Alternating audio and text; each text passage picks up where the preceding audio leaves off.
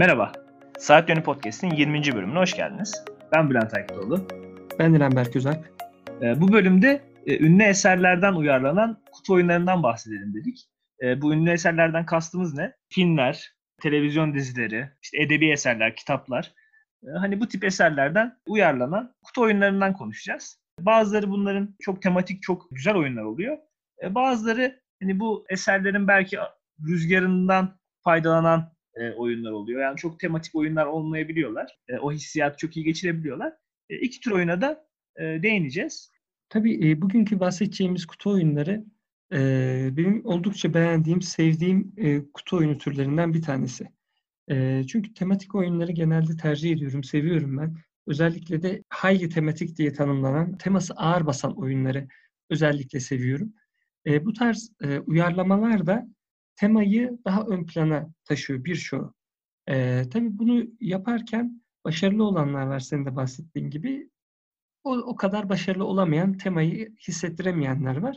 Bir de çok fazla ziyaret edilen temalar da var. Konuya başlarken aslında ilk aklıma gelen tabii ki eser benim e, Yüzüklerin Efendisi dünyası oldu. Hı hı. E, bunu düşündüğümüzde Lord of the Rings kutu oyunu, Lord of the Rings LCG kart oyunu, Confrontation, Journeys in Middle-earth, Battle of Five Armies, Hunt for the Ring diye böyle sayabileceğim, anabileceğim belki onlarca Yüzüklerin Efendisi temalı kutu oyunu var tabii ki. Bunlardan bazıları gerçekten temayı çok iyi aktarıyor ama ben bugün özellikle bahsetmek istediğim en iyi aktaran olduğunu düşündüğüm War of the Ring. War of the Ring temelde iki kişilik bir oyun. Dört kişiye kadar oynanan bir versiyonda var ama temelde iki kişilik bir oyun. Bir taraf Yüzük Kardeşliğini oynuyor tahmin edebileceğiniz gibi. Diğer tarafta Sauron'un ordularını oynuyor. Oyun oldukça epik bir oyun. Bir macera oyunu diyebilirim. Oldukça da uzun sürüyor. 3-4 saat civarında benim tecrübeme göre süren bir oyun. Kuralları da bir miktar karışık. Hızlı öğrenilecek ve hızlı oynanacak bir oyun değil. Ama oyunun en büyük özelliği masadan kalktığınızda Yüzüklerin Efendisi'nde, romanlarda ya da filmde hissettiğiniz duyguları yaşatması size. Tabii birebir aynı hikayeyi oynamıyorsunuz. Oyundaki birçok kart bu hikayeyi yaşatmaya çalışsa da hikayenin oluş sırası ve başınıza gelen maceralar çok değişkenlik gösterebiliyor. Ama işte çok benzer şeyleri yaşıyorsunuz. İşte bir tarafta birisi kendisini feda etmesi gerekebiliyor Yüzük Kardeşliği için. İşte Frodo'nun e, varabilmesi için hükümdana. Yüzük Kardeşliği kalabalık başlıyor ama orada ayrılanlar, burada ayrılanlar yavaş yavaş dağılıyor. Bir yerde ihanet ediyor Isengard oyunun içerisine giriyor. Oldukça da güçlü bir biçimde. Bir tarafta Aragorn'u yüzüğü koruması için yanında gezdirebilirsiniz ama bir taraftan da Gondor'da çok daha büyük işler başarabiliyor Aragorn. Orada ihtiyaç duyuluyor ona. Yoksa oradan dolayı da oyunu kaybetme riskiniz var gibi. Oyun aslında teması ön planda olmasına rağmen stratejik ağırlığı da olan bir oyun. Oyunda tabii ki zar e, atılarak aksiyonlar seçiliyor. Şans faktörü de yüksek. Hani şans faktörü çok düşük bir oyun değil. Strateji ağırlıklı bir oyun da değil. Ama e, War of the Ring özellikle Yüzüklerin Efendisi'ni seven kişiler için hani güzel bir vaktiniz varsa bir hafta sonu bir günü böyle ayırabileceksiniz. E, bu temayı seven bir arkadaşınızla e, karşılıklı oynayabileceğiniz ve oyunun sonunda da keyifle masadan kalkacağınızın garanti edebileceğim bir oyun. Bunun bir önemli sebebi de şu, e, özellikle tematik oyunlardan bahsederken, bu uyarlama oyunlardan bahsederken e, oyunun görselleri ve çizimleri çok çok önemli. War of the Ring'in de çizimleri e, John Howe'un çizimlerinden esinleniyor. E, John Howe zaten e, Yüzüklerin Efendisi romanlarını uzun yıllardır Tolkien'in eserlerini, sadece Yüzüklerin Efendisi değil, Tolkien eserlerini çizmesiyle tanınan bir çizerdi. Hani bu bakımdan e, orada gördüğünüz resimler ve şeyler kafanızdakilerle de uyuşuyor. Yani romanı okuyan birisinin kafasında canlanan Aragorn'u kartın üzerinde görebiliyorsunuz. Ya da Hobbitleri görebiliyorsunuz gibi. E, bu bakımdan tematik oyunlarda, uyarlama oyunlarda özellikle çizimlere de çok dikkat ediyorum ben. O temayı doğru yansıtıp e, o keyfi aktarabiliyor mu diye. Ya evet War of the Ring ya sen inanılmaz güzel bir şekilde açıkladın oyunu. İki farklı şekilde tekrar tekrar basılmış bir oyun. Ee, ilk versiyon 2004'te yayınlandı. Sonra tekrardan 8 yıl sonra tekrar basıldı. Second Edition olarak 2012'de. Ve hani güncelde aradan yine 8 yıl geçmiş ama güncelliğinde hiç yitirmeyen bir oyun. Kutu oyunu sevenlerin ve Yüzüklerin Efendisi temasını da beğenenlerin başvurdukları bir numaralı oyun büyük ihtimalle. Ben de burada başka bir tematik oyundan bahsedeyim. Ee, Battlestar Galactica board game'den. Battlestar Galactica'da 2000'lerin e, bu başında e, çıkmış inanılmaz iyi bir bilim kurgu dizisiydi. Benim hani gelmiş geçmiş izlediğim en iyi 5-6 diziden bir tanesidir. Oyunu da 2008 yılında yine e, piyasaya sürüldü. Daha dizi devam ediyordu. Son sezonuna girilmemişti diye hatırlıyorum. Daha dizi bitmeden e, yayınlanmıştı. Oyunda da hani diziyi bilenler belki söylediklerimi daha iyi anlayacaklardır. İşte bir Cylonlar var. Bir de insanlar var. İnsanlar Cylonlardan kaçıyor. E, hani insan ırkının e, son umudu kaçan bu Battlestar Galactica isimli e, gemideki insanlar aslında. Ve Cylonlar da insan ırkını bitirmeye çalışıyorlar. Bir gizli kimlik oyunu aslında bu oyun. Hani herkes bir rolü oynuyor. Diziden tanıdığınız işte e, Adama olsun, Number 6 olsun, Number 9 olsun, hani Gaius Baltar olsun. Bu tip karakterleri oynuyorsunuz. Her karakterin aslında e, oyunda hain olma ihtimali var. E, oyunun başında bir Cylon musun değil misin kartı veriliyor. E, Cylonsan bir yandan böyle insan ırkını kurtarıyormuş gibi yapıp aslında baltalamaya çalışıyorsun. Yani insanlar da bir şekilde yeni gezegene, o kurtuluşa ulaşmaya çalışıyorlar. İnanılmaz tematik bir oyun. Yani o Battlestar Galactica'daki hissi e, inanılmaz aktardığını düşünüyorum ben oyunu. Battlestar Galactica dizisini sevenlerin kesinlikle bir şekilde oynamasını önerebileceğim bir oyun. Tabii burada bir negatif noktadan da bahsetmek lazım. Oyunu e, bulmak çok kolay değil. Bu Battlestar Galactica dizisi bittikten sonra e, oyun ya, hızlı bir şekilde tükendi. E, ondan sonra tekrar basılmadı. E, şu anda da hani yıllardır oyunun e, tekrar basılması bekleniyor ama e, basılacak mı o da büyük bir soru işareti. Evet, uzun zamandır e, baskısı bulunmayan bir oyun belirttiğin gibi. E, bu oyunda özellikle e, kullanılan e, gene çizimler de diziden herhalde alıntı Evet evet. diye tahmin Yani- ediyorum. Ben diziyi izlemedim ama bu da özellikle moda sokuyordur oyun içerisinde o hissiyatı oluşturuyordur diye hı. düşünüyorum. Tabii. Ya direkt bu arada boş bulduğun zaman da izlemeni tavsiye ederim. Harika bir dizidir. Yani Evet. Başından sonuna harika bir dizidir. E, şimdi şeyden korkuyorum diziyi izleyip oyunu bulma gibi bir takıntı oluşursa sonu iyi Artık, pa- olmayabilir. artık paraya kıyarsın. Evet pahalı bir oyun çünkü bulunmuyor. Şimdi özellikle aslında bu ıı, meşhur uyarlama oyunlardan bahsetmeye başlayınca bir firma herhalde bundan sonra da konuşacağımız birçok oyun için en çok konuşacağımız belli bir firma olacak aslında. E, Fantasy Flight Games firması. E, Fantasy Flight Games firması aslında e, en çok basan bu tarz uyarlamaları ve başarılı bir şekilde bu uyarlamaları e, hayata geçiren bir firma olarak ön plana çıkıyor. Hı hı. Ben de şimdi onların daha farklı bir oyunundan bahsedeceğim. E, tabii e, bir uyarlamalardan bahsedince Star Wars uyarlamalarından bahsetmemek olmazdı muhtemelen. Çünkü Star Onlarca Wars'da- oyunu var. Evet onlarca oyunu var. Hani gerçekten onlarca oyunu var. Bir kısmı da çok beğeniliyor, seviliyor, e, değer gören oyunlar. Bir kısmı biraz daha hani çok üretim için üretilmiş. İşte marketlerde satılan tarzda diyebileceğimiz Amerika'da daha basit, daha şey oyunlar. E, bunlar içerisinden işte kart oyunu, e, minyatür oyunları var. X-Wing minyatür oyunu, Armada minyatür oyunu var. 2019'da çıkan Outer Rim oyunu vardı. Imperial Assault gene çok beğenilen bir Star Wars e, evreninde geçen bir oyun. Ama benim bahsedeceğim tabii ki onların içerisinde de çok daha ön plana çıkan Star Wars Rebellion. Hı hı. Ee, Star Wars Rebellion da iki kişilik bir oyun temelde. Dört kişilik bir varyantı da var ama gene e, saçma bir şekilde dört kişi oluyor. İki kişi aslında temelde iki tarafın oynadığı bir oyun. Bir taraf imparatorluk güçlerini oynuyor, öbür tarafta isyancıları oynuyor. Oyun özellikle e, masa üzerinde görünüşü, duruşu, oynanışıyla gene epik bir oyun. Çok şeyle de karşılaştırılıyor aslında. E, War of Ring'de de karşılaştırılıyor. Oyun süresi oldukça uzun. Gene 3-4 saat civarında sürebiliyor. Oyunun zorluğu, e, öğrenmesi kesinlikle kolay bir oyun değil. Oldukça fazla kuralı var. Ama oynarken hani gerçekten filmden sahneleri canlandırıyor oyun size. Esir düşebiliyor Prenses Leia. Han Solo dondurulabiliyor işte o karbon şeyin içerisinde, kutunun içerisinde gibi birçok olay gerçekten Star Wars oyunu oynadığınız hissini uyandırıyor. Hani bu tema ya da bu mekanikleri alıp daha farklı bir oyunda uyarlamanızın karşılığı bu oyun olmayacaktır kesinlikle. E, bu bakımdan Star Wars Rebellion, Star Wars sevenlerin tercih ettiği birinci sıradaki tahminim tematik oyundur. Ya ben Star Wars oynadım demek istiyorsanız yani Rebellion sanırım bir numaralı hani başvuracağınız nokta. Yani diğer oyunlar da hani çok değerli oyunlar. Bence Star Wars X-Wing de çok iyi bir hani o uzaydaki it dalaşı hissiyatını çok iyi yansıtıyor. Imperial Assault yine güzel bir şekilde bir hikayeyi veriyor size. Ama üç, ilk üçlemeyi hiçbiri yansıtmıyor. Ya yani en iyi büyük ihtimalle evet. en tematik olanı da şey Rebellion. Saydığın oyunlar içerisinde gerçekten Star Wars hikayesine dokunan oyun Rebellion'dır tahminim. Dediğin evet. gibi ben de katılıyorum. Saydığın oyunlar çok aslında güzel oyunlar, mekanik olarak başarılı oyunlar ve temaya da sahip olan oyunlar. Hani X-Wing oynarken de böyle bambaşka bir şey oynuyor musunuz hissini vermiyor. Star Wars evrenindesiniz. Ama o oyunlarda Star Wars evrenindesiniz. Rebellion oynarken filmden sahneler canlandırıyorsunuz. Hissi uyandırıyor. Evet.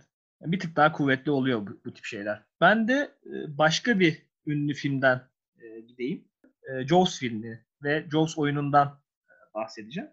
Jaws böyle çok çok harika bir oyun mu? Değil. Ortalama bir oyun. Ama o Jaws filmini inanılmaz iyi bir şekilde yansıtan bir oyun. E, iki aşamadan oluşuyor oyun. E, ilk aşama bir hani hidden movement diyebileceğimiz bir oyun. E, bir taraf köpek balığını oynuyor orada. Diğer tarafta e, köpek balığını yakalamaya çalışan karakterleri oynuyor. Köpek balığı bir şekilde kumsallarda insanları yemeye çalışıyor. Karakterler de köpek balığını önce tuzağa düşürmeye çalışıyorlar. E, sonra hani bir şekilde bu ilk aşama sonlanıyor. Sonra ikinci aşamaya geçiliyor. İkinci aşamada da artık filmin final sahnesi aklınıza gelsin. Meşhur tekne sahnesi. Aynen tekne sahnesi. Jaws bu sefer teknedeki karakterlere saldırıyor. Karakterler de bir şekilde o köpek balığını öldürmeye çalışıyorlar. Yani çok çok eğlenceli bir oyun olduğunu düşünüyorum ben. Hani aman aman böyle stratejik derinliği var mı? Orada bir hani bir soru işareti var ama e, yani bu tematik olmadığı anlamına gelmiyor. Filmden olaylar var, filmden karakterler var. O karakterleri oynadığınızı, önce köpek balığını yakalamaya çalıştığınızı, sonra öldürmeye çalıştığınızı, o dehşetten kendinizi e, kurtarmaya çalıştığınızı hani hissedebiliyorsunuz oyunda da. Dikkatle çeken oyunlarından biriydi geçen senenin Jones. Ee, hani herkese önerebilirim. Özellikle giriş seviyesi oyun arayanlara da tavsiye edebileceğim bir oyun. Çünkü şimdi bahsettiğimiz oyunlar hepsi böyle teferruatlı, öğrenmesi ve oynaması hani efor isteyen oyunlardı. Jaws çok öyle bir oyun değil. Hemen hemen kutu oyunlarıyla uzaktan yakından ilgisi olan herkese oynatabileceğiniz bir oyun. Evet, e, Jaws'ın şöyle de bir tabii etkisi var e, bizim toplumumuz üzerinde. E, herhalde 90'larda e, televizyonda işte özel televizyonlarda gösterilen, sıkça gösterilen filmlerden bir tanesiydi. Tabii daha eski bir film ama evet. e, bizim televizyonlarımızda da Star TV'de, diğer farklı ATV'de, bilmiyorum şurada burada çok sık gösterilen bir filmdi. O yüzden e, muhtemelen e, küçük yaşlardayken, çocukken ya da gençken birçoğumuz izlemiştir Jaws'ı televizyonda böyle film izleyip. Hani o yüzden e, zihinde de bir yeri var Jaws'ın. Evet. Oyunu da ayrı bir keyif ve şey veriyor, o nostalji hissini de uyandırıyor olabilir belki. Evet, evet kesinlikle. bahsetmek istediğim oyun, şimdi bahsetmek istediğim oyun Hellboy. E, Hellboy'da geçtiğimiz yıl e, çıkan bir e, kutu oyunu. Oyun Dungeon Crawl diyeceğimiz bir macera oyunu aslında. Ve bir göreviniz var. O görevinizi yapmak için bir işte harita oluşturuyorsunuz. O harita içerisinde çeşitli engellerle uğraşıp, çeşitli yaratıkları öldürüp, çeşitli görevler yerine getirip en sonda bir final sahnesinde asıl düşmanla savaşıp oyunu tamamlıyorsunuz başarılı ya da başarısız bir biçimde. Hellboy uyarlaması tabii ki de. E, Hellboy çizgi romanın uyarlaması. Evet çok çok başarılı bir uyarlama. Benim gördüğüm en iyi uyarlamalardan bir tanesi. E, neden böyle? E, çünkü yani çizer aynı çizer. Zaten Mike Mignona'nın çizimlerini kullanmışlar. Hikayeler aynı hikayeler. İşte Hellboy'un 10-12 cilti varsa o 12 ciltteki aynı karakterlerle savaşıyorsunuz. İşte Rasputin'le savaşıyorsunuz. İşte zombi nazilerle savaşıyorsunuz. Kurbağa adamlarla savaşıyorsunuz. Karakterler aynı karakterler. Çizgi romanda okuduğunuz Hellboy, e, Ape Sapien, e, Roger, kadın adını unuttum. Neyse ben karakterler... Top, top, top sende. E, karakterler e, aynı karakterler. Çizgi romandaki ana karakterler. E, bu birçok aslında uyarlama oyunda benim doğrusu rahatsız olduğum bir unsur. Birazdan belki bahsederiz daha başarısız uyarlamaları. E, bir uyarlama oyunu elime aldığım zaman, işte incelediğim zaman, e, oynamak için kurduğum zaman tamam janrın çok çok araştırmış, her şeyini biliyor olabilirsiniz. Ama standart biçimde de biliyorsanız ya işte bir Hellboy'un bir filmini gördüyseniz ya da bir tane hasbelkader çizgi romanın bir cildini de okuduysanız oyunu açtığınızda karşılaşacağınız karakterleri göre yani o okuduğunuz romandaki karakterler olmasını beklersiniz. Ya da en meşhur karakterler olmasını beklersiniz. Hani e, böyle bir oyunda bu şekilde bir uyarlama oyun yapıp da hani ek pakete biraz daha yoğunlaşıp ana oyunda sadece belli başlı ve çok az karakterin, ana karakterin ya da hikayedeki önemli karakterlerin yer aldığı oyunlardan değil Hellboy. Hellboy kutu oyununu aldığınız zaman çizgi roman içerisinde görüp görebileceğiniz karakterlerin belki en önemli karakterlerin %80, %90'ını sahip oluyorsunuz. Bu oyunun da ek paketleri var ama o ek paketler genelde biraz daha ana hikayenin dışında yanda kalmış ve tek ciltlik romanların e, karakterleri ve şeyleri. E, bu bakımdan Hellboy çok e, bence başarılı bir uyarlama. Özellikle de Hellboy sevenler için e, çizgi romanı seviyorsanız gerçekten çizgi roman sayfaları neredeyse oyun içerisinde oynuyorsunuz. Kural kitabı bile çizgi roman gibi tasarlanmış aslında bir nevi. Oyun içerisindeki komponentler, figürler, oynarken açılan kartlar, karşılaştığınız yaratıklar tamamen çizgi romandaki hikayeleri takip ediyor ve oradan esinleniyor. Bu bakımdan başarılı bulduğum bir uyarlama Hellboy. Ya bir de e, ya başarılı çizgi roman uyarlaması olan oyun da az. E, ya bundan da bahsetmek lazım. Başarılı olan oyun var ama tematik olanları az. Şimdi ilk aklıma gelen örnekler Marvel oyunları oluyor ve DC oyunları oluyor. Şimdi en ünlü çizgi roman serileri bunlar neticede. Ee, hani özellikle Marvel'dan bahsediyorsak bu sinematik evrenin ön plana çıkmasıyla da. Ee, ama e, yani bu zamana kadar çıkan neredeyse hiçbir Marvel oyunu ya da hiçbir DC oyunu bu hani çizgi romanların o tematikliğini iyi bir şekilde e, yansıtamadı bence. Yani başarılı oyunlar e, oldu aralarında. Marvel Champions mesela yine geçen sene çıkan oyunlardan bir tanesiydi. Başarılı da oldu ama hani çok tematik bir oyun mu? Değil kesinlikle. E, yine Legendary oyunu vardı e, Marvel'ın çok başarılı oldu. En azından satış e, rakamları açısından çok başarılı oldu. Ama başarılı mıydı? Değildi. E, Hellboy'un öyle bir avantajı da var bence. Belki bu az önce saydıklarımı hani uzun zaman ayırabiliriz bölümün ileriki kısımlarında ama Hellboy'u da hani bu açıdan tebrik etmek lazım belki. Evet. Başarılı bir çizgi roman şeyi. Ee, yani Marvel Champions belki daha güzel bir oyun. Güzel mekanikler var. Ama daha tematik bir oyun değil ya da daha iyi bir uyarlama değil benim gözümde. Ee, belki bu başlangıç kutusunda daha farklı karakterler, daha farklı ve daha fazla contentle çıkmış olsaydı değişebilirdi bu. Ama şu anki haliyle dediğine katılıyorum. Legendary e, bambaşka bir konu. E, Legendary e, aslında deste yapma mekaniklerini kullanan Marvel dünyasında geçen çok da popüler bir oyun. Legendary mekaniği de ya oyun serisi de sadece Marvel değil başka şeylere de çok uyarlandı. James Bond'a uyarlandı.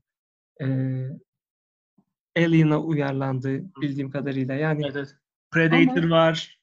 Evet. Şey var, X-Files var. Var yani. Legendary X-Files var. Yani aslında mekaniğin kaliteli ve e, kabul edilebilecek bir mekanik olduğunu gösteriyor. Ama oyunun kendisi ve teması anlamında hani bir süper kahraman oyunu yani bırak Marvel oyunu oynamayı süper kahraman oyunu oynuyor musun hissi bile uyandırmıyor. O yüzden benim gözümde çok iyi bir uyarlama değil çizgi roman uyarlaması olarak bu oyunlar. Başka böyle aklına gelen iyi uyarlama var mı? Böyle benim aklıma birkaç tane geliyor. Ee, Robin var, evet.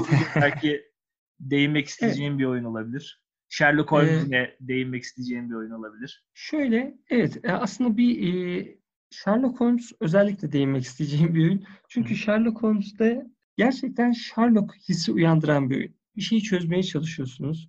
Tamamen eski bir oyun. Daha önce de bahsetmiştik biraz. Bölümlerimizde değinmiştik de. O yüzden çok uzun da değinmek istemiyorum. Ee, çok klasik bir oyun Sherlock Holmes. Ee, ve gerçekten bir dedektif koltuğuna oturtuyor sizi ve sıradan bir dedektif de değil Sherlock Holmes'un koltuğuna oturtuyor sizi ve Sherlock Holmes vari işte çözümlemelerle sofistike problemleri çözüm bulmanızı bekliyor oyun.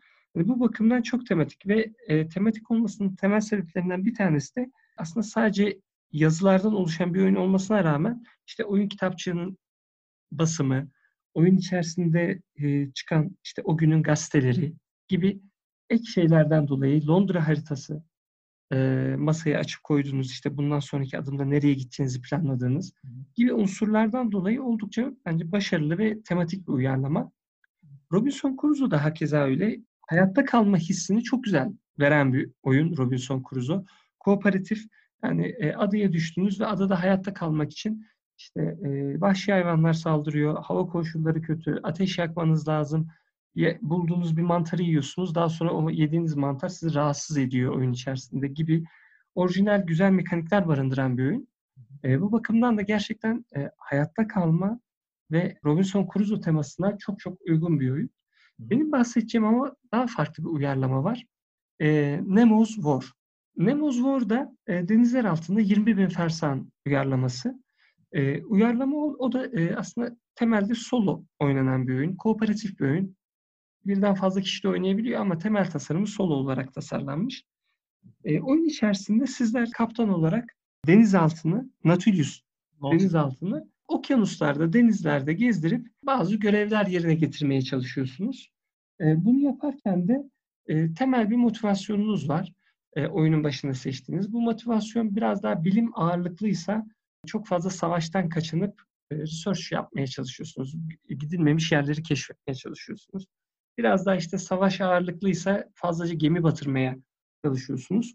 Bu gibi mekanikleri içeriyor. Çok çok başarılı bir uyarlama doğrusu. Özellikle çizimleri, görseli de başarılı bir oyun.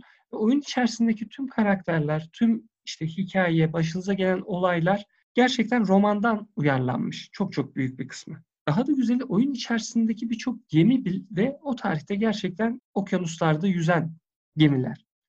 E, bu yönüyle de size gel e, bu bilim kurgu romanını, yazıldığı tarih için bilim kurgu olan romanı gerçekten e, yaşatıyor oyun içerisindeki hikayesiyle, mekanikleriyle. O da kesinlikle tavsiye edebileceğim uyarlamalardan bir tanesi. Ya bu saydığımız üç oyunu, e, şimdi Nemo Zor'u oynamadım henüz. Ee, hani orada e, çok fazla hani üzerine konuşamam belki ama üç oyunun da hani şeyi yüksektir diye tahmin ediyorum. Replayability yani tekrar oynanabilirliği yüksektir. Robinson Crusoe'yla e, Sherlock Holmes'un e, hani tekrar oynanabilirliği var. Bunu biliyorum. Yani Sherlock Holmes mesela 10 tane en azından baz oyunda e, 10 tane davayla, vakayla geliyor. E, 10 tane vakayı zaten hani oynadığınız zaman işte her birini 2-3 saat diye e, varsayalım. E, nereden baksanız bir 30 saatlik bir deneyim yaşatıyor size. 10 kere böyle güzel bir zaman geçirmiş oluyorsunuz. Robinson Crusoe'da da farklı senaryolar var. E, hatta Robinson Crusoe ek paketleri de var. Yine bu Lost City of Z hani o hikaye, o temaya uyarlanmış versiyonu var. Yine Darwin temalı bir versiyonum vardı. Voyage of the Beagle mıydı? Evet, Voyage of the Beagle. ee, öyle bir versiyon da var. Hani Sherlock Holmes'un yine baz oyunu var 10 vakalık. Sonra tekrardan iki tane daha oyun çıktı yanlış hatırlamıyorsam. Peki. Bir tanesi Jack the Ripper'la alakalıydı. Bir tane West daha Adventures. Evet, bir tane daha çıktı ondan sonra geçen yılda. Carlton House and Queen's Park. Evet. Yine o da 10 vakadan oluşuyor yanlış hatırlamıyorsam. Hani tekrar tekrar oynayabileceğiniz bir oyun. Yani Nemo's War da öyledir diye tahmin ediyorum. Hani böyle farklı e, söylediğin gibi varyasyonlarıyla. Evet özellikle oyun başında seçtiğin e, motivasyonla oyunu oynanış şeklin de çok fazla değişiyor. E, o da çok basit bir oyun değil ama doğrusu kurması, oynaması çok hızlı olan bir oyun değil. Ya, tematik oyunların genelde zaten öyle bir özelliği oluyor. Hani o temayı iyi bir şekilde aktarmak için ekstra kurallar e, getirmen gerekiyor tasarım aşamasında bence. Yani mesela bir karakter var. O karaktere has bir özellik koyman gerekiyor e, temaya uydurmak için. İşte belki bir hain mi var oyunda? Ona göre bir şey koyacaksın, mekanik koyacaksın. Çok çok ekstrem olaylar mı oluyor? O olaylar gelince, yaşanınca oyunda belki oyunun kuralları değişiyor. Yeni kurallar ekleniyor. Edge case'ini nasıl çevireyim? Hani böyle olağanüstü e, hani şartlar olağanüstü kuralları da herhalde. Evet, ayrıntıya önem vermek gerekiyor bu tarz oyunlarda. Hani Aynen. standart kuralları basitleştirip çok daha e, akışkan ama temadan ödün vermiş bir e, mekanik kullanmaktansa genelde tasarımcılar ayrıntıya daha çok önem veren ama oyun içerisindeki temayla uyumlu mekanikleri ya da kuralları tercih ediyorlar. Bu da tabii oyuna ek e, hem süre bakımından hem kural yoğunluğu bakımından ek yük getirebiliyor. İstersen gel bir de bunu başaramayan oyunlardan bahsedelim. Yani daha çok mekanik düzeyde kalmış ve temayı geçiremeyen oyunlardan konuşalım e, istiyorum. E, Legendary'den zaten bahsettik biraz. Başka aklına neler geliyor? E, bunun için aslında çok e, büyük bir aday var. Hani çok çok yazık olmuş bir oyun olarak düşünüyorum. Doctor Who. Yani, Açıldı. Pandora'nın kutusu açıldı şimdi. evet gerçekten Doktoru Time of Daleks. Bu şey gibi biraz tematik açıdan çok tematik olmayan ama mekanik açıdan iyi olan oyunlar var. Bir de hem tematik hem de mekanik açıdan çok kötü olan oyunlar var. İlk örnekte buna sanırım Doktor Who. E, bu haliyle bile en iyi Doctor Who oyunu bu olarak geçiyor. Yani gerçekten yazık edilmiş bir tema bu tema. Evet. E, yani. Diğer basılan oyunlarının yanında bu daha ön planda. Doctor Who Time of Daleks başarılı bir firmanın oyunu. Gale Force 9 diye genelde tematik oyunlarıyla bilinen bir firmanın oyunu. Figürleriyle, minyatürlü oyunlarıyla bilinen bir firmanın oyunu. Ama nasıl olduysa bu oyunda yani playtest çok fazla yapmamışlar mı ya da ya playtest'ten bağımsız oyun içerisindeki temel mekanik doktorla uyuşmuyor. Hani bir yarış içerisindesiniz. Oyun e, semi co-op diyebileceğim bir oyun. Ama bu yarış içerisinde sadece bir kişi kazanıyor oyunu ve birbirinizi engelleyebiliyorsunuz. Yani oyunun son roundu geldiğinde ya başkasının kazanmasına göz yumacaksınız ya da bir doktorsunuz siz diğer doktoru engelleyeceksiniz ve Dalekler kazanacak. Hani e, bu oyun içerisinde çok olmamış bir mekanik ve aynı anda birden fazla doktorun reenkarnasyonunu oynuyorsunuz. Hani bu da tematik değil. E, anlamsız bir curcunaya çeviriyor. Ya örneğin 10. doktorun yardımcısını birinci doktora veriyorsunuz. Beraber geziyorlar. İşte birinci doktorun bastonunu Yediye Matt veriyorsun. Smith'e veriyorsunuz. Yani 70 yaşındaki adamın bastonunu alıyorsun. 35 yaşındaki doktora veriyorsun. Bir, hani böyle çok e, bir şey yani. Oyunda aslında sadece kartlarına, resimlerine baksak keyif daha çok keyif verebilir. E, çünkü çok tematik o kartlarda içinde geçen şeyler. Ama mekanik olarak zayıf bir oyun. E, bu zayıflığın üstünde çok temelde işte yanlışlar olunca az önce bahsettiğimiz. Yani bu oyun e, oysa ki şöyle olsa çok çok daha başarılı olurdu. Yani bütün doktorları tek bir oyuna sığdırmaktansa hani bir kişi bir doktoru oynar, diğerleri de e, doktorun yardımcıları olur, o doktorun yardımcıları. Üç kişi, dört kişi oynayabileceğiniz co-op bir oyun olur. Çok çok daha başarılı olurdu yani eminim ki. Ya Ya aynı, aynı doktorla bu şekilde. Şey gibi düşün. Ee, bu Doktor Who'nun special bölümleri oluyor ya. Orada bazen Evet. böyle iki doktor, üç doktor yan yana gelebiliyor. Böyle büyük bir olayı çözmek için. Öyle bir şey yap- yapabilirlerdi en basitinden. Hiç kimsenin Yani aklına gelmemiş. birbirleriyle yarışmadan ama işte yani birbiriyle yarışmasının evet. hiçbir Ya manası yok. birlikte, çalışacaklardı. E Yani çok büyük bir temayı, çok önemli, güzel, eğlenceli bir temayı berbat eden bir oyun. Yazık etmiş yani bu Yani kadar yazık oyuna baskıya. yani. Ya kimseye tavsiye etmiyorum. A- aman oynamayın. Yani Doktor Who fanıysanız da uzak durun. Ya Kapağına. evet o doktoru temasını Allah. veremiyor çünkü size yani. O keyfi veremeyeceği için ben de tavsiye etmiyorum yani. Doktoru fanıysanız da tavsiye etmiyorum. Çok o keyfi veremiyor, o temayı veremiyor. Başka geliyor mu aklına temayı veremeyen oyunlar? Ya şimdi mesela benim aklıma Harry Potter geliyor. Harry Potter Hogwarts Battle. O da bir deste oluşturma oyunu aslında. Böyle 7 senaryo var. Güya 7 kitabı konu edinen. Ama işler öyle değil çok fazla. Deste oluşturma oyunuyla tematikliği bir araya getirmek zaten zor. Bunun örneğini Legendary oyununda zaten görüyorduk. Aynı durum Hogwarts Battle, Harry Potter Hogwarts Battle oyununda da var. Başlıca bir karakteri yönlendiriyorsunuz. Yani güya Harry'i, Ron'u ya da Hermione'yi yönlendiriyorsunuz. Ve diğer karakterleri güya yanınıza katıyorsunuz. Karşınıza da işte ölüm yiyenler ve e, Voldemort geliyor e, oyunun ilerleyen safhalarında. Hani bunlarla mücadele ediyorsunuz ama mesela Cedric Diggory'yi e, ekibinize alacaksınız. Cedric Diggory bir karttan ibaret. İşte başka büyük kartları var. Büyük kartlarını elinize topluyorsunuz. Onları oynuyorsunuz. Mekanik açıdan bir tane büyük kusur haricinde yani çok çok problemli bir oyun değil belki. Ama yani tematik açıdan hiçbir şey aktarmıyor aslında size. Yani ne e, Harry Potter o senaryosunu oynadığınızı hissediyorsunuz, ne karakterlerle bütünleşebiliyorsunuz, ne karşınızdaki kötü karakterlerin işte ne bileyim korkunçluğuyla mücadele ediyorsunuz, o hissiyatı yaşıyorsunuz. Hiçbir şey yapamıyorsunuz aslında. Karşıdaki karakterler sadece öldürmeniz gereken 10 canlık bir düşmandan ibaret. Sizin karakterinizde tur başına 2 vuran, 3 vuran, kendi canını artırmaya çalışan isimsiz bir karakterden ibaret oluyor. Yani bir şekilde de bu Harry Potter temasını yansıtamıyor. Benzer hatta bunun üzerine bir oyun daha çıkardılar. Karanlık sanatlara karşı savunma e, oyunu böyle düello tarzı bir oyun çıkardılar. Yine deste oluşturma üzerine. O da çok başarılı değildi. Yani bu da Harry Potter'ı aşırı seviyorsanız deneyebileceğiniz bir oyun. Belki yani filmlerden en azından karakterleri e, fotoğraflarını falan görünce keyif alabilirsiniz ama tematik açıdan iyi bir oyun olduğunu söyleyemeyeceğim. Evet. e, benim aklıma gelen bir diğer oyunda gene e, Marvel evreninde geçen Five Minutes Marvel oyunu. Hani e, bu oyun da çok kötü bir oyun değil ama az önce verdiğimiz örnekler bu oyun için de geçerli. Hani temayı yansıtmak adına hiçbir şey yapmıyor aslında oyun. Bu bakımdan da kendi türü içerisinde e, gerçek zamanlı, kooperatif, hızlı oynanan oyun arıyorsanız belki düşünebilirsiniz. Ama bunun dışında Marvel evreniyle alakalı bir oyun arıyorsanız e, kesinlikle size o hissiyatı aktaramayacaktır. O keyfi vermeyecektir. Five Minutes Marvel oyunu.